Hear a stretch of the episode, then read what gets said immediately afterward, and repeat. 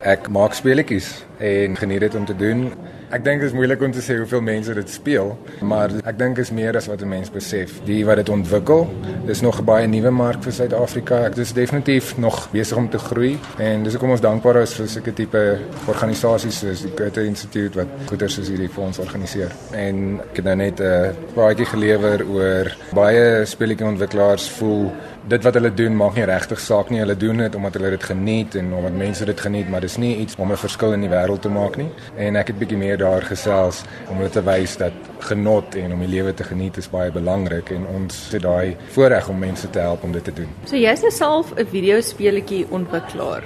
Kan mense lewe maak daaruit in Suid-Afrika? Ehm um, gelukkig is die mark wêreldwyd met die internet. Maak nie saak in watter land jy woon nie, is is dit redelik moeilik, maar dit is hoekom so by mekaar kom om darm kameraadskap te hê en mekaar te help en daar te gesels Wat is van die grootste goed wat jy nou al sover geleer het van jou kamerade hierso? Dis 'n baie interessante tipe mens wat in speletjie ontwikkeling ingaan en mens voel dit wanneer speletjie ontwikkelaars bymekaar kom. Ehm um, so dit motiveer mense om dit beter te doen en aan te hou daarmee. So ver in jou interaksie met die ander ontwikkelaars, wat dink jy is van die raakpunte wat eintlik in elke bedryf voorkom, maak nie saak of jy nou van Ethiopië of Duitsland of Suid-Afrika van kom nie.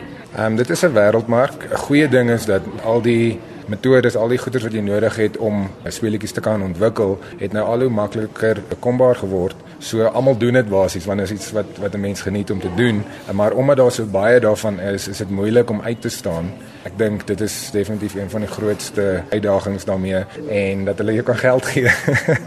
ja. Ek het onlangs 'n artikel gelees dat die Britse regering wil subsidies gee vir videospeletjie ontwerpers aan daardie kant, maar hulle wil dit spesifiek gee sodat die ontwikkelaars iets Brits in die speletjie kan insluit, iets wat Britse kultuur of die land self reflekteer. Hoe dink jy sal so iets in Suid-Afrika kan werk?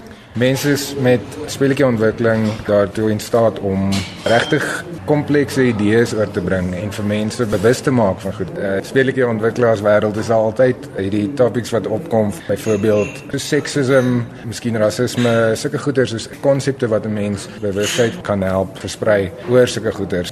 As iemand 'n speletjie speel, is hy besig om te leer hoe hierdie wêreld werk, hierdie klein wêreld waarin hy nou speel en hy moet die regte besluite maak en so aan. So as 'n ontwikkelaar kan jy daai goeie stuur en jy kan mense regtig in daai posisie sit om sulke besluite te hoef te maak. So ek dink dis 'n goeie idee, maar nog steeds 'n groot verantwoordelikheid.